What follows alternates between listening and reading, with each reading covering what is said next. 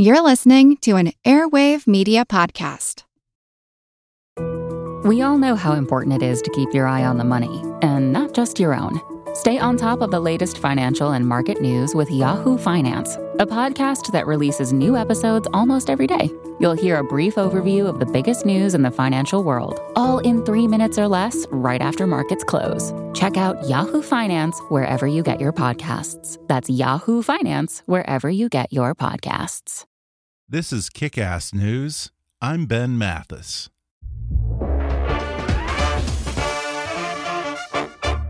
I want to tell you about a great new podcast called Outside the Box. If you're a maker, an innovator, or even just a consumer who wants to peek behind the curtain of some of the world's greatest organizations, you'll love it. The latest episode features interviews with the visionaries who are creating systems that bring our work, and more importantly, our workforce, into the 21st century. Because although we're plugged in at home, when it comes to the workforce, we're lagging behind. Listen to Outside the Box in Apple Podcasts, Stitcher, or wherever you get your podcasts. And now, enjoy the show. We're one of the only countries to do this. You know that? Tooth Fairy? Some weird pagan ritual. Doesn't make any sense. You know what they do in Mexico and Spain? Anybody? Raton. Tooth rat. It's a much better system. Think about it. You find out the tooth fairy doesn't exist, you're disappointed. Find out the tooth rat doesn't exist. Huge relief. Doesn't even sound real. Whole thing sounds like a Yakov Smirnoff premise. In my country, we don't have tooth fairy, we have tooth rat. Hi, I'm Ben Mathis, and welcome to Kick Ass News. That was a clip from Al Madrigal's hilarious new stand up special for Showtime called Shrimpin' Ain't Easy. Al Madrigal was a regular correspondent on The Daily Show with Jon Stewart, and he's a co founder of the All Things Comedy Podcast Network alongside Bill Burr. Beginning his career in San Francisco as a solo performer and a member of the sketch group he co founded called Fresh Robots, Madrigal got his first big breaks performing at SF Sketchfest and the Just for Laughs Festival in Montreal. And two years later, he won the award for Best Stand Up Comedian at the U.S. Comedy Arts Festival in Aspen. Madrigal's first one hour special, Why is the Rabbit Crying, aired on Comedy Central, and it was named one of the top 10 comedy specials in 2013 by both Westword and The Village Voice, who praised him for deconstructing stereotypes rather than enforcing them. Al Madrigal's performed on Conan, The Late Late Show with Craig Ferguson, The Tonight Show, and Jimmy Kimmel Live. He's also had co starring roles in the CBS sitcoms Gary Unmarried and Welcome to the Captain, as well as NBC's About a Boy. And from 2011 to 2016, he was the popular senior Latino correspondent on The Daily Show with Jon Stewart. In addition to his new Showtime comedy special, he's a regular on another Showtime series about the 70s comedy boom called I'm Dying Up Here.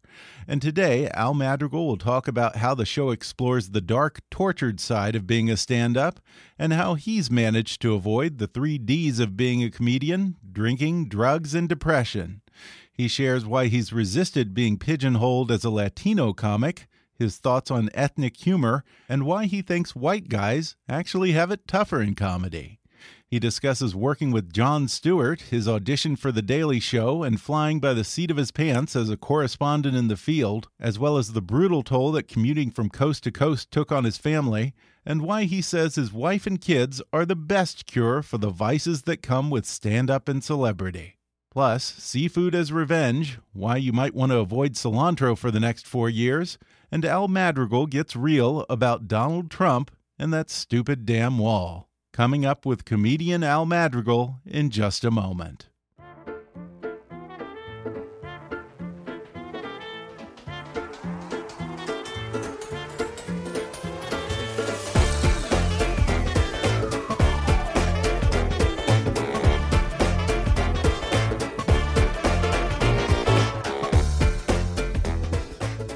My guest today was a senior correspondent for The Daily Show, and he's a series regular on Showtime's I'm Dying Up Here. He's also the co host of the All Things Comedy podcast and recently released a Showtime stand up special called Shrimpin' Ain't Easy. Al Madrigal, thanks for coming on the podcast. How are you? I- I'm doing great. First of all, shrimpin' ain't easy. I kind of think that you know, anytime you use shrimp as a verb and you're not in Louisiana, you're probably going into a pretty dark place there. What's the story it's a- behind the title It's a there? big revenge story, and actually to tie it in with the Daily Show, that it's something I actually did, uh, and it, again, it's a 25 minute story that I launch into and close with in this special, which I encourage you to watch. It's on Showtime. What's the 25 second version? But the 25 second version is um, I got revenge. I seafood revenge. Have you heard That's of a thing. Yeah, that is a thing. Hiding seafood in a place uh, so it smells and destroys the business that you hate. And, and that works? That totally works. Okay. And so uh, there's a bunch of stories that go along in, into it. Again, it's this big, long closer. But I was telling the story to John Hodgman in 2012, and he said, "And what's it like when you tell that story on stage?" And I said, "Well, I don't tell it on stage because I'm going to be found liable for destroying this business. I really did." Oh, this." yeah. There might And, be criminal um, liability there. Sure, it still might be because I think it did close. It's a misdemeanor at worst, so, I'm sure. Uh, he said you got to do it because even if you are caught, comedian sued for shrimping is the best you know article worth- ever. worth it so, for the PR, huh? Exactly. So Oh, okay. anyway, I started telling the story, and it was um, people enjoy it, and it was enough of a story to just anchor the whole special around. So there you go, shrimping it easy. Well, I love the special. Particularly, I love the bit about uh, how you don't trust Yelp. And then there's some kind of urban legend that supposedly, I guess, Mexicans are shitting in the cilantro to get back at Trump. Did someone really tell you that? Is was, I, that a real thing? I almost thing? hugged him when he told me that because I knew it was going to be a seven minute bit. Yeah. And so I, I'm at this taco truck, and we actually uh, live very close to each other, so all these references will work. But it's in Eagle Rock, uh, and Okay. there's a 76 station with a taco truck, and I'm there standing in line, and I overhear this guy say um, to the, the person in the window at the taco truck, Hey, bro, on that order, can I get no cilantro? Because um, you know what they're doing to the cilantro, right? and the guy in the taco truck goes, Yes, see, see, see, I know. and walks away. I'm left standing there going, uh, Excuse me, what, what, what's going on with the cilantro? and the guy goes, Oh, bro, my mom told me not to eat any cilantro um, because they're shitting in it to get back at Trump. And at that point, I practically hugged that man. Like I was like, "Oh, this is just, yeah, this is the greatest bit ever." So um, that's what I do. So I that's a real thing. So that that really happened. and It's a real thing. Oh, my God. But there's And I- always an E. coli breakout, and you Oh, know where are they supposed yeah. to go to the bathroom? Yeah. I was just not the luxurious men's and women's facilities in the cilantro field. So I'm sure Yeah. there's shit and everything. And, and in your act, I think you, you break down the particular thinking behind that whole attempt at sabotage and how there's Exactly. probably a lot of collateral The damage Oceans- that yeah, goes the. Ocean's Eleven style planning that's taking place in a Mexican cilantro field where they can get the shit covered cilantro direct to Trump's mouth. Like, what is the path there? Uh, Yeah, how are we the gonna- taco bowl. Yeah, exactly. The right, the Trump bowl. Tower Taco Bowl. and then with Yelp thing, I just really I'm I can't believe every time I look at them, I'm shocked. The number of user generated reviews that are just occupying so much of our time. And we wonder we, we're failing in so many other areas. I mean, it's just countless. It's- and that's what I say in my acts. is There's three thousand better things you could be doing with your time. Yeah. It really is. As long as there's homeless children, no one should be wasting time Yeah. reviewing a, a $19 toaster. yeah, here we are. Well, I imagine you're probably skeptical of those reviews simply because they are sort of self selecting by virtue of the people that actually have time to waste on that sort of thing. It's like radio calling uh, Yeah. people. There's, there's not a bright group. They could no one whoever has the time to take out of their day and it's, they're just not productive people Yeah. and they're not productive members of society and we shouldn't trust any of them. Wow. wow.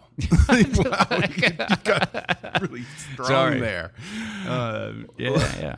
Well, you've had an interesting path into comedy because I guess before all this, didn't you work for I think ten years in a human resource staffing agency where your job was pretty much to fire people? Yeah, I was a hatchet man, so I was in charge of all progressive discipline. So it was from 19 to 32, even longer than 10 years, and it was my parents' family business that they wanted me to take over. So uh-huh. I and and s- probably selfishly they wanted I was their path to retirement. I was their path out. Mm-hmm. So it was primarily my mother's business and it was a staffing firm that specialized in taking care of all your HR needs. So what we do for Politicon or, you know, the Tokyo Wacko place across the street is we would employ everyone working there. So we they had no liability. We took care of workers' comp. You were a member of a larger employee benefits pool. So we had 3,500 employees. You have 12. We have that group buying power when you know that it was it Okay, makes sense. It's a it really does. model. And then also I specialize in all taking care of all your dirty work. Yeah. So technically there are people working at your location, so I want to make sure everything's done perfectly. I used to do sales. Sorry, so I'm still I just launched I know you right do a pretty it. good job. A So good uh, all these companies, Accountemps does this, TriNet does this. I mean, there's huge companies that are publicly traded companies that do. It's it's called Professional Employment Organizations (PEOs), and we were a small mom and pop PEO that my mom bought, and it we went. She went. My mom has this incredible rags to riches story. She went from making six dollars an hour at that business, secretary, account manager, senior account manager, vice president, bought the company, quadrupled in size. Wow. So here we have this business that has provided everything for the family. You know, you go from Yeah. making six bucks an hour and uh, dad's a teamster to barely getting by, and then all of a sudden you're flush with cash. The woman she was cleaning houses Wow. at one It's point. American dream. Yeah, it really is. It's this incredible sort of working girl story. Yeah. And then for me to come into that business and, you know, I'd be capable of taking it over, but not wanting to be there full time. I mean, it's a classic story of like an immigrant coming in, working their ass off. Uh, doing an incredibly good job, you know, American dream, like you said, Yeah. So they can provide for this future generation of their family, and that future generation going. And then you don't want it. you know, let's stand. I'm gonna go hit some open mics. no, thank you. I see that this could make me five hundred thousand dollars a Yeah. year, and I could be. But I was miserable. I was firing Right, single firing moms without Yeah. help. You know, daycare. It was horrible. Was it like George Clooney and was up in the exactly air? like Was it just this soul crushing experience? It really was. So I was trying to balance it out. So I would uh, take stained glass classes. I'd volunteer for the Big Brothers, Big Sisters. now I'm 28 Try to years old. Yeah, I really was trying Yeah. to even the scales, and I'm now I'm working there. Cry, at some points, crying at your desk is just is horrible. Like it really is Yeah. does weigh on you. I fired thousand people, and it's tough. So I always knew I wanted to be a stand up, and I knew if I mm-hmm. made it to 30, it was going to be a little bit more challenging. So I started, and it took off, and yeah. now I get to be here. well, you're one of those rare guys that started out both in improv and stand up. Do you consider yourself more of a stand up or an improv guy, or did one influence you more than the I, other? I hate to do this, to you, Okay, but that's it. bad information. oh, it is Uh, it? it oh, is. I thought that you had no like improv. an improv group. I was in a sketch group. A sketch so group. written. Okay, Very different. Well, what's the difference between an improv group and a sketch group? So now we got to go way Yeah, back. sure, sure. Just uh, Okay. uh, taking suggestions versus scripted material. Saturday Okay. Night Live versus Right. black Oh, box okay. theater. Okay, I get saying, it. Give me a suggestion. Yeah. Whose line is it anyway versus Saturday Right, Night Live? right. You know, okay, I get it. Okay, so a sketch group. Okay, Yeah, so are you, are you more of a stand-up guy or a sketch guy? Then? I like both. I mean, when I was growing up, uh, Martin Short Mm-hmm. and uh, Rick Moranis, so early days of SCTV. I was just a mm-hmm. huge comedy fan. There's other comedians on my block, but I would love stand up as well. I think mm-hmm. I started getting into stand up quite a bit. I listened uh, to the radio. There was a show in San Francisco uh, that Alex Bennett did, where he had San Francisco stand-up comedians on. So Patton Oswalt was one of those guys, and Mike Meehan, who coincidentally lived across the block from me. I think that had a big influence. Um, so I get to hear Bobby Slayton and all these guys on the radio. Uh, Bob Rubin, who was very funny, Larry Bubbles Brown, and totally got into it. And then Comedy Central starts, and Jon Stewart is hosting a show, and Marc Maron is hosting as well, uh, called Short Attention Span Theater. Just Mm-hmm. I don't snackable little chunks of stand up. There's also funny, uh, I think Funny is Funny with um, Wally Collins. That's probably not the name of that. Uh, but stand up, stand up, maybe. Anyway, uh, watching all these little chunks of stand up, and I would just watch them over and over and over again. And Ray Romano dangling against keys, and John Campanera, and all these comics. It was like, oh, I love this. And then it took me another eight years to get off my ass and get over Really? the fear of actually doing it and just do it. Really? So those guys were your role models coming up as a comic? Yeah, totally. I mean, Yeah. just local comics in San Francisco, but then also, you know, I was Eddie. Every every comedian that's sort of my generation points to Eddie Murphy, Mm-hmm. Delirious, Raw. Everybody has their own, but I mean, you know, Eddie Murphy, and I loved uh, Dave Chappelle when I first Yeah. started. That "Killing Me Softly" um, hour is like the best hour I've ever seen. Before the Daily Show, what was your first big break as a comic? Um, you know, I was I went to the 2002 Just for Laughs Montreal Comedy Festival, and I was a new face there. That's like the NBA draft. And then got cast in a sitcom that brought me and my wife. Uh, we brought us down to L.A. So in like 2003, getting cast in that sitcom got me away from the family business officially, and launched me into television acting. Where I made primarily made all my money. So it was um, you know TV shows that no one's seen. Um, I've done over ten pilots. Have you and- really? Yeah. So I've done a lot of TV shows. What is that like doing a pilot? It's good. You know if it's bad. So if people are completely unfamiliar, just Yeah. uh, back up again. Do you get your hopes up, Uh, or do you I have learned to teach not yourself to. not to get I, your hopes up now eventually, after pilot? five, yeah, Yeah. you realize that. Uh, Do you get kinda this cynical now? no, not at all. I just Yeah. Mm-hmm. uh, know it's uh, the ups and downs are part of the business. Um, I did see this Neil Patrick Harris quote that I think of a lot, and it's basically an old producer uh, grabbed him and his family when he was on Doogie Howser and said something to the effect of "Kid, you're a surfer." and this is going to be a great wave, but it's going to be a long one or a short one. It's going to come to an end, and then you're going to turn around and you're going to swim back out and you're going to catch another one. But you're going to enjoy the time in between. You're going to keep your head up. You're going to smile. You're going to look around, enjoy the beautiful surroundings, and then catch the wave, short or long, and just keep riding them. and so that's what I do: is just uh, take opportunities, enjoy myself when I'm there, and uh, that's pretty much it. Yeah. Well, you've resisted being pigeonholed throughout your career as a Latino comic, and at times you've even taken your fair amount of crap from the Latino community for that. Do you think it's harder to break out as a mainstream comic if you're not a white guy in this country? Um, I, I really no, uh, because I mean, there's comics right now that are like we were just talking about this the other night, so it's, it's going to sound pretty, well. It, okay, so there's niche comedy Yeah. that you have people that fall into these certain categories. That there's a population of people just waiting for that comic to emerge. So there's all these like pioneer comics for your category. So. Yeah.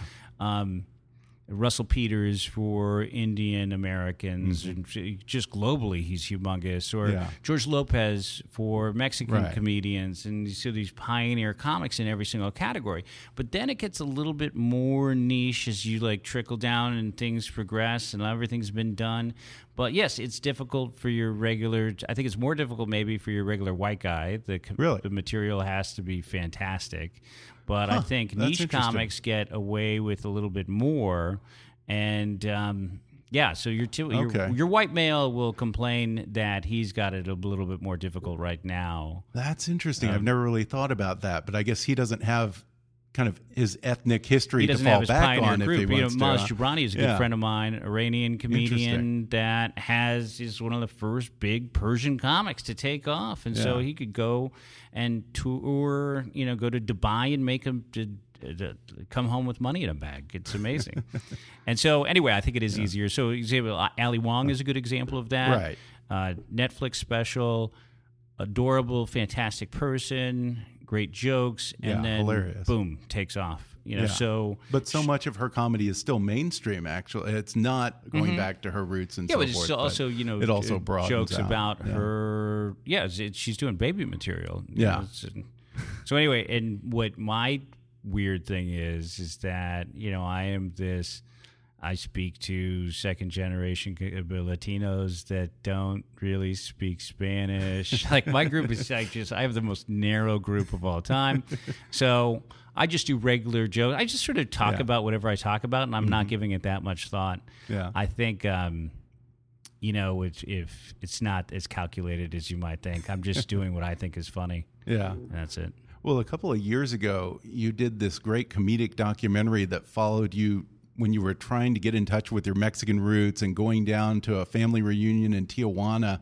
It received a lot of praise from critics, and I think I read that I guess schools were reaching out to you because they wanted to use it to teach. Yeah, students? they were asking permission to teach it. Uh, so what, what, were they going to do with it? I have no what idea. Did, what were they trying to uh, teach with show it? it in their classroom, but I think what it, it speaks to is in this is is in the special, but um, Latinos and all groups are always trying to play a game with their expertise and every filipino is trying to out filipino each other and every mexican is trying to prove that they're more they're a better chicano than everyone's playing. It's like you want to it's like star wars fans or just Mm-hmm. anything all they're trying to uh, one up Yeah, the be the other lead of their niche, huh? exactly exactly. So um, maybe that's what they're teaching. I y- it, because that's sort of making people i think the woman that i spoke to from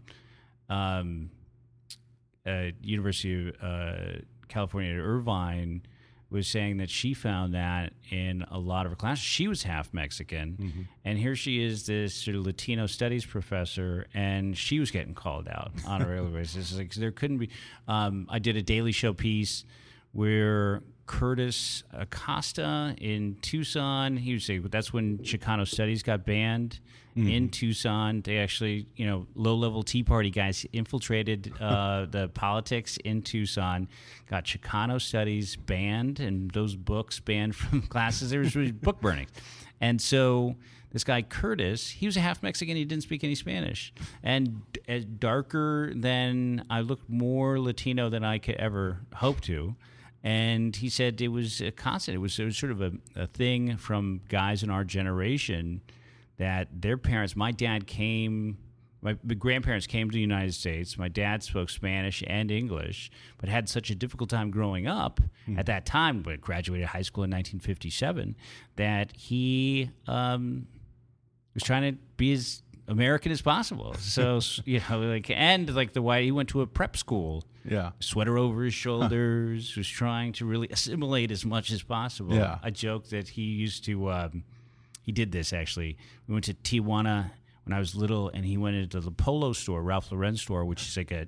It had to be a fake Ralph Lauren In store. 'cause he- Tijuana? yeah, well, he walked away with a handful of just the polos. Like so if he wanted do to you do mean your just the polos? the insignia The that goes on insignia, your uh, chest, yeah, right on your Yeah. breastplate. So yeah, yeah. So he would like make a shirt polo for you, like because you know we could make Was, that. was there a polo. ceremony to that? no, I it's feel just like like, it's like yeah, anointing. yeah, all right.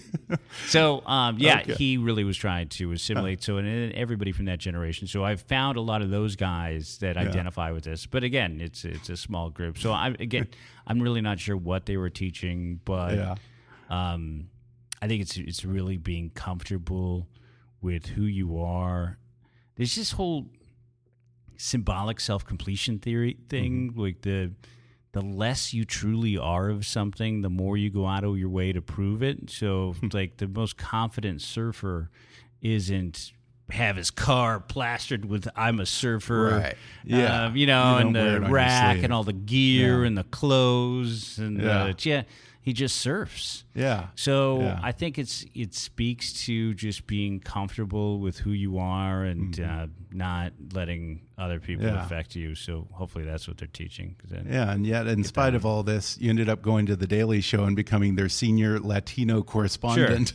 But at the Daily Show, if you watch a lot of the pieces, I was very quick to address Right. that It was a gag. Well, yeah, no, but also I there's no. This is probably what I'm going to be talking about a lot today when I sit on these panels. But they always try to lump Latinos together, like Mm-hmm. there'd be you know in some homogenous group. Like the that we Yeah. all the Latino vote, Like, Yeah. Yeah. The Cubans and Puerto Ricans are Right. not identifying with immigration as an issue. There's Yeah. no like there's so there's uh, you know to say, and this was a piece that I actually did with John Oliver when he was uh, uh, taking over the summer that John went to go do his movie. But it's like me, John. You know, me call John. It's like me calling you Irish. What would Yeah. you do then? And you know, he breaks a bottle and threatens me. And so it, it, it really is true. And then Latinos. So I was the first to say on many of these um, pieces that I did for John in the show that it's like, whoa, whoa, whoa, whoa, whoa. no one's the spokesperson. There is no spokesperson. But I am one of the only Latinos in show business working. Like that was the whole thing. Like who's left? We're going to take a quick break, and then I'll be back with more with comedian Al Madrigal when we come back in just a moment.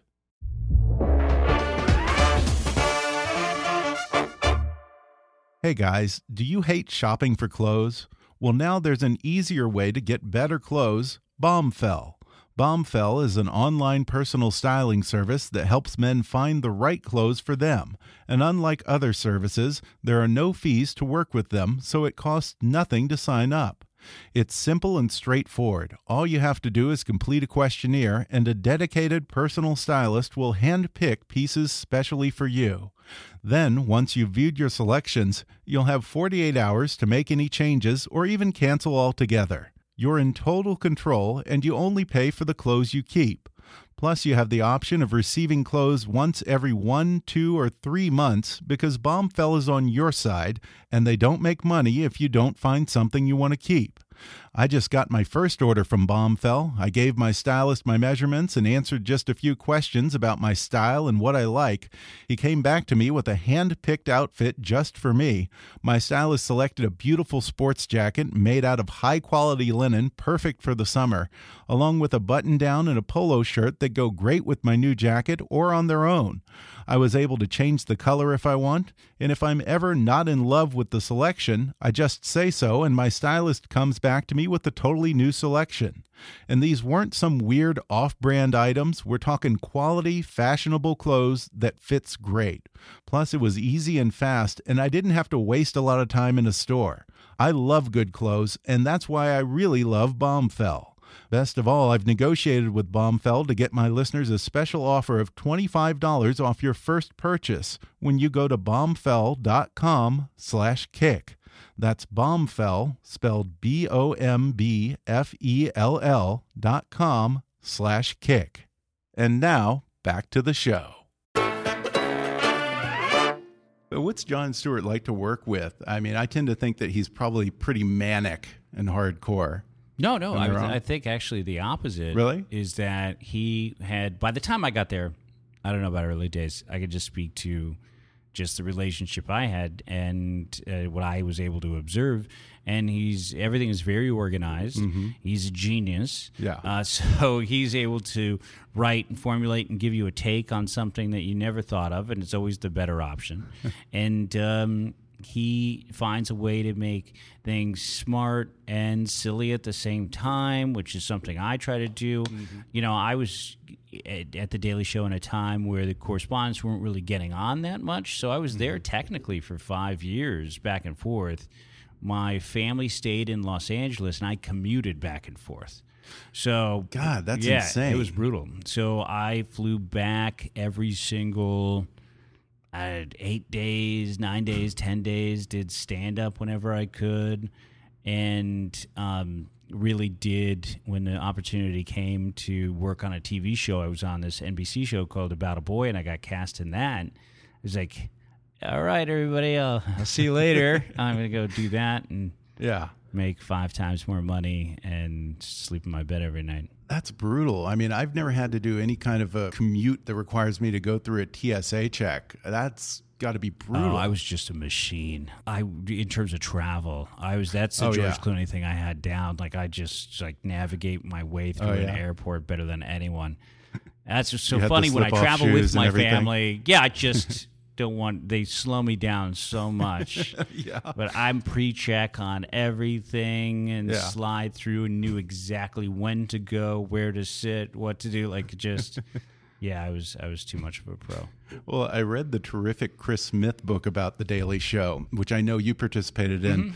And he talks about how the field crews on The Daily Show were kind of these gonzo renegades who could kind of push the envelope and go rogue a little bit more. When you did field pieces on the Daily Show, did you guys get away with a lot more? Do you think? We had a thing that we did. You guys can look this up. A bridge to Canada piece. I forget exactly what it's called, but if you tell more bridges, more problems, maybe. and it's um, if you look at the shot where I'm I tr- I travel and there's a bridge toll uh, person and I'm trying you can't shoot on a bridge. You can't. You cannot shoot on any bridge. Really? Uh, there's Why? no camera work that can be done. It's a it's a homeland security thing. Oh, you're kidding So me! there's I didn't zero that. filming that can take place on any bridge. Golden Gate Bridge, obviously, you know, different. Yeah. Uh, but for the most Wow, part, I never realized that. I think it's also when it, it's a uh, a bridge to a border as well. Like there's, so, Oh, there's yeah, rules, so we couldn't shoot. Okay. And we went up to a Six Flags in New Jersey and created that entire thing. And John came into the on, screening a, on and what a like, fake bridge? at their toll. No, just at the ticket booths when you drive into the parking lot.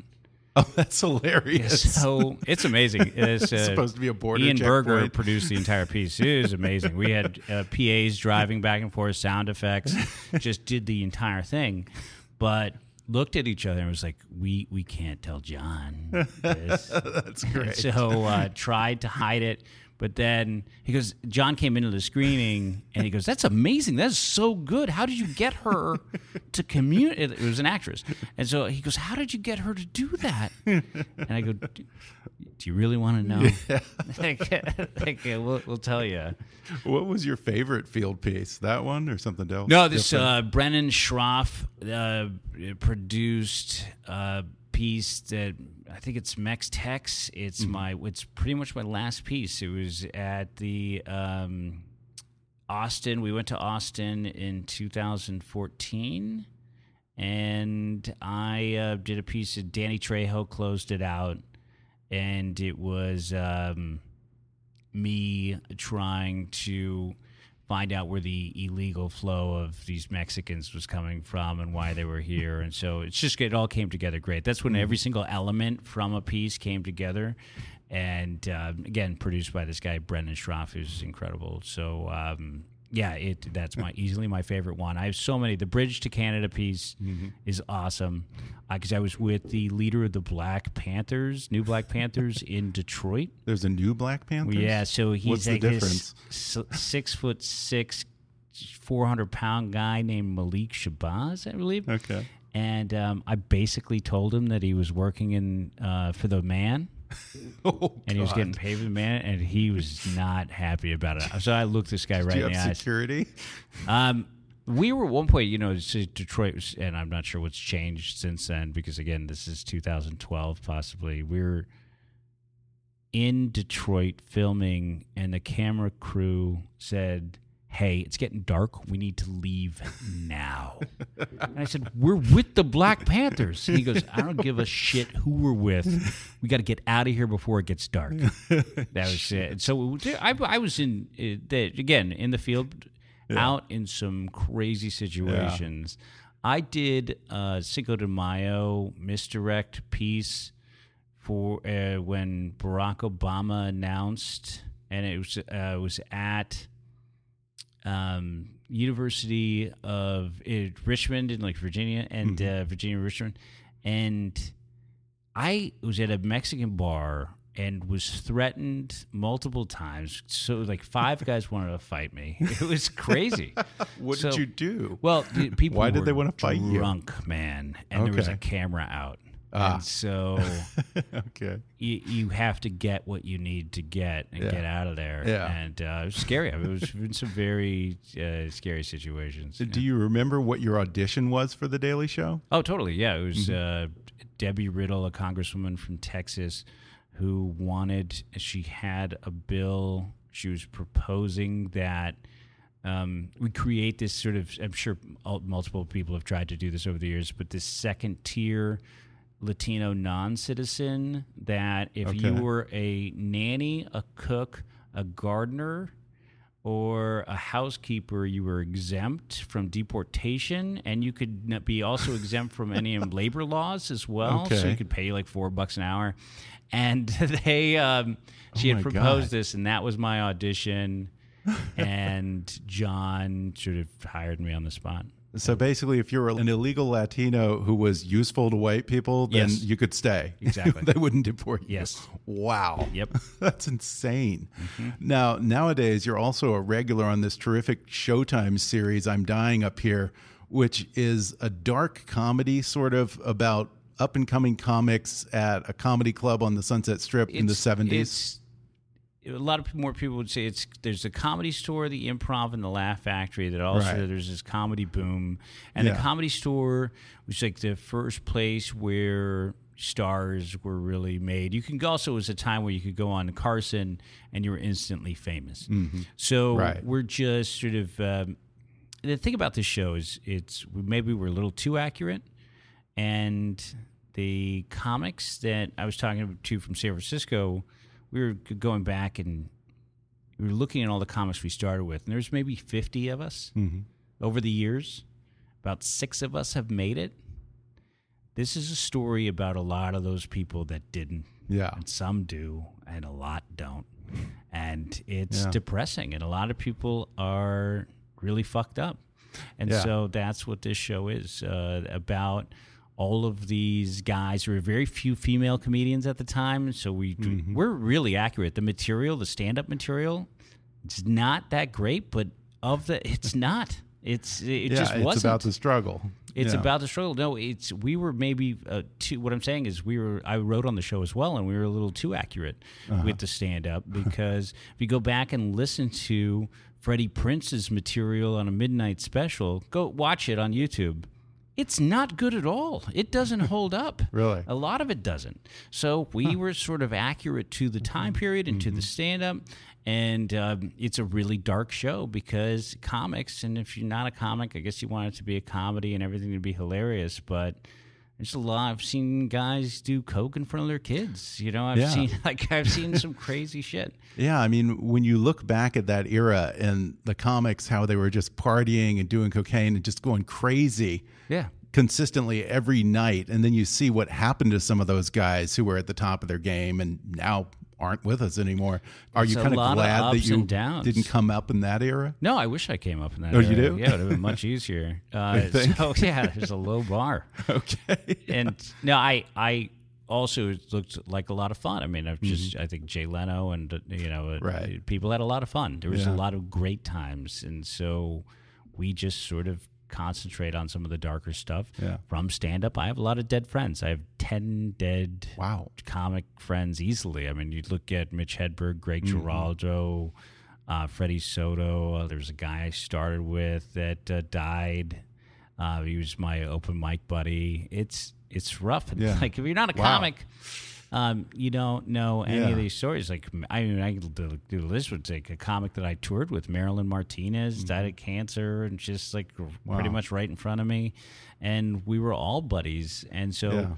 some depressing shit that happens, and then there's a lot of us. You know, it's like, I have free access to liquor every single night Mm-hmm. that I want it, uh, so I can drink for free anywhere I go, all the time. And for example, I went to the Ice House last night just to hang out with a friend Ian Oh, Bagg and place. Brendan Small. I was, so- so I was sitting there, and it's like, what can I get you? If, and if I Mm-hmm. wanted to have nine drinks, I could have had nine drinks, and not one person would have dare stop me. so um, it's it's Yeah. rough. And then there's access. There's all these people want to hang out with you as well. Right. So we get. I can get anything. I can get a Yeah. Hooker and a handgun. you know, faster than anyone could possibly imagine. Oh yeah, I mean comics are so prone to alcoholism and depression. I mean, do you have a secret to how you can be a comic and not be morose? The family is an do it? excellent balance Yeah. and just concentrating on I, I really try my best to look forward and Mm-hmm. not concentrate on the careers of anybody else. I just don't Yeah. care. I have a, you know, like a the family is a great balance between comic life. I don't know. My uh, kids are actually gone with my wife. They went to go visit my mom, and I had to do this, so I didn't go. But just going around. Like I went to a comedy club by myself last night. I was like, mm. what am I doing? This is horrible. I went and saw Wonder Woman yesterday mm. because I hadn't seen it. Everyone's seen it. And I was like, ugh, just a guy by himself in the movie. I did not deal well with that. So yeah, I'd be a drug addict, drug addict in two seconds. Well, you and Bill Burr have a podcast of your own called Podcast Network, actually. Oh well, So- so- uh, right, yeah. So we have a gonna get into small too. podcast. You Yeah, have a it- podcast and a podcast network. sort of a half-ass attempt at a podcast. Uh, okay. uh, but more importantly for everybody listening is that Yeah, we have we started our own network. So you know this is at a time where we're watching the podcast take off. I had one called Minivan Men. That was uh, we Mm-hmm. Yeah. did ninety or so episodes. It was just uh, me and a couple other comics talking about our kids when they were smaller, and um, we pooled a bunch of them together. We started with ten. Now we have close to sixty. Wow. We spun off uh, the website and a studio as well. We partnered with a company called Soapbox Films. We just took on some money, and all that was this is what's different is all the comics own it. And there's a Yeah, percentage cool. of the company is dedicated to the comedians that Mm-hmm. participate. And so if they're an active comic with the network and continue to put out their podcasts based on downloads, when we start making money, which we will, we're going to pay dividends to all those comics based on what they. Great. contribute to the network. So Great idea. your show, you should you should start asking some no serious comic. questions. yeah, I know, but seriously, you don't want your, me on your network, trust your me. situation. Like you should be owning a larger part of it because what you have. Oh, I own all of it. I know you own all of it, but That doesn't mean much. exactly. No, no, no, no. But there's a bigger play. You can but Yeah. joining forces with other podcasts in your category to make a bigger move is something that well, tell me who. considered. Yeah, who you- are some of the comics that you have at the All Things Comedy Network? Uh, we have some great ones. I mean, it's just such a variety as well. So we have um, from you know start with Bill Burr, Bobby Lee, who used to be on Mad TV, has a Mm-hmm. great one called Tiger Belly that I can't recommend enough. He's hilarious. Um, there's uh, Tom Segura, who is Oh, one yeah, of the he's terrific. nation's best. Uh, comics. Uh, he does one with his wife called Your Mom's House. Uh, you have Bert Kreischer, who's hilarious. Um, uh, Jen Kirkman, I Seem Fun podcast is amazing. Uh, we have allegedly, I, so you go on and on. We have all, our sort of common denominator for amazing. everybody is all professional comedians. yeah. And it's, again, you know, it's all people that we find Yeah. funny. A couple have snuck in, I'm not going to lie. but, uh, you know, that's when I That's was really cool. I mean, it does seem like that down. is where the comedy boom of this generation is. You know, it's like it was in the 70s, like we were saying, you had the clubs, then you have the TV in like the well, 80s. It's and just maybe going crazy everywhere is like now. the next thing. I think you're totally right. Mm-hmm. I, but I think it's podcasting. I think it's in the clubs, the theater, the comedy stores is is yeah. packed every single night. Wow. So yeah, I think it's all over the country. I think with the internet and like podcasts and yeah, the people that are able to find their audience and their audience is able to find them. I mean, comics you've never Mm-hmm. heard of are selling out shows all over the country based on these, these dedicated fans, and so Yeah. we, I mean, it's awesome.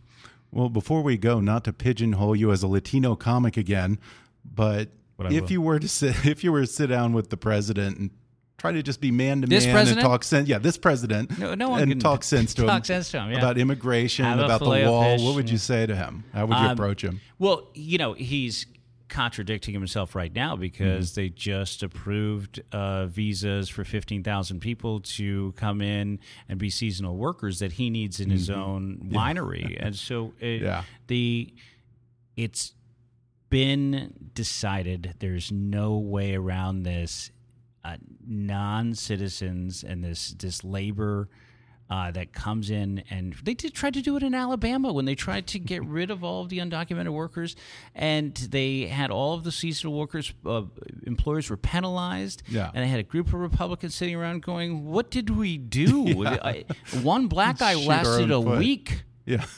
Out and, and everything just was rotting on the vine. We need and Yeah. Latinos are the only people that will ever do these jobs. And you have to face there has to be some path to citizenship. There has to be driver's license and registered non-citizens. There just mm-hmm. has to be that also are treated fairly, and there have to be laws to protect those people from being mm-hmm. taken advantage of. Because you know, standing up and you know uh, waving your hand at a Home Depot, and you know you can really be. I've heard a lot of stories about those guys. They've been dropped off without pay and just completely taken advantage of. So we need some way on both sides to make sure that you know it's fair because there's it, we undeniably need these people. No doubt about it. Well, your Showtime special, Shrimpin' Ain't Easy. Shrimpin' and easy. Shrimpin' Easy. yep. And the other one on was why is the rabbit demand? crying? Yeah, yeah, sure. Okay. Why is the rabbit crying? Shrimpin' and easy. Okay. And the podcast network, Uh, iTunes, all things the comedy. usual. Yeah. Just allthingscomedy.com. Okay. And we're in the process Okay. of redoing everything, but it's Okay. very exciting. Is there going to be a second season of I'm Dying Up Here? Well, I'm writing that now, pitching it with the showrunners,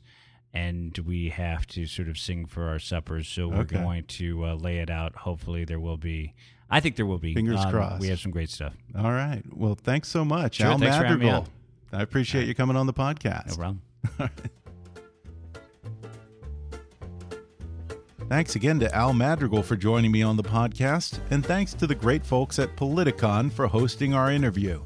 They do a great event for political junkies like you and me every year, and you can learn more about it at politicon.com. Watch Al Madrigal's stand up special, "Shrimp Shrimpin' Ain't Easy, and his series, I'm Dying Up Here, with a subscription to Showtime or Showtime Anytime. Be sure to listen to his podcast and other hilarious shows on the All Things Comedy Podcast Network at allthingscomedy.com or wherever you get your podcasts.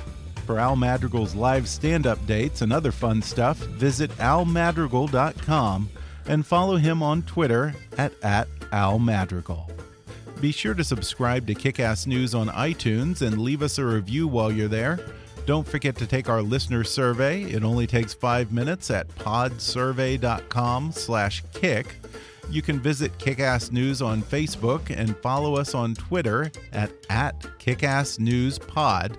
And be sure to recommend Kickass News to your friends on your social media. And if you really want to help out, then donate to our GoFundMe campaign at gofundme.com slash kickassnews or click on the donate button at kickassnews.com. As always, I welcome your comments, questions, and suggestions at comments at kickassnews.com. For now, though, I'm Ben Mathis, and thanks for listening to Kick Ass News.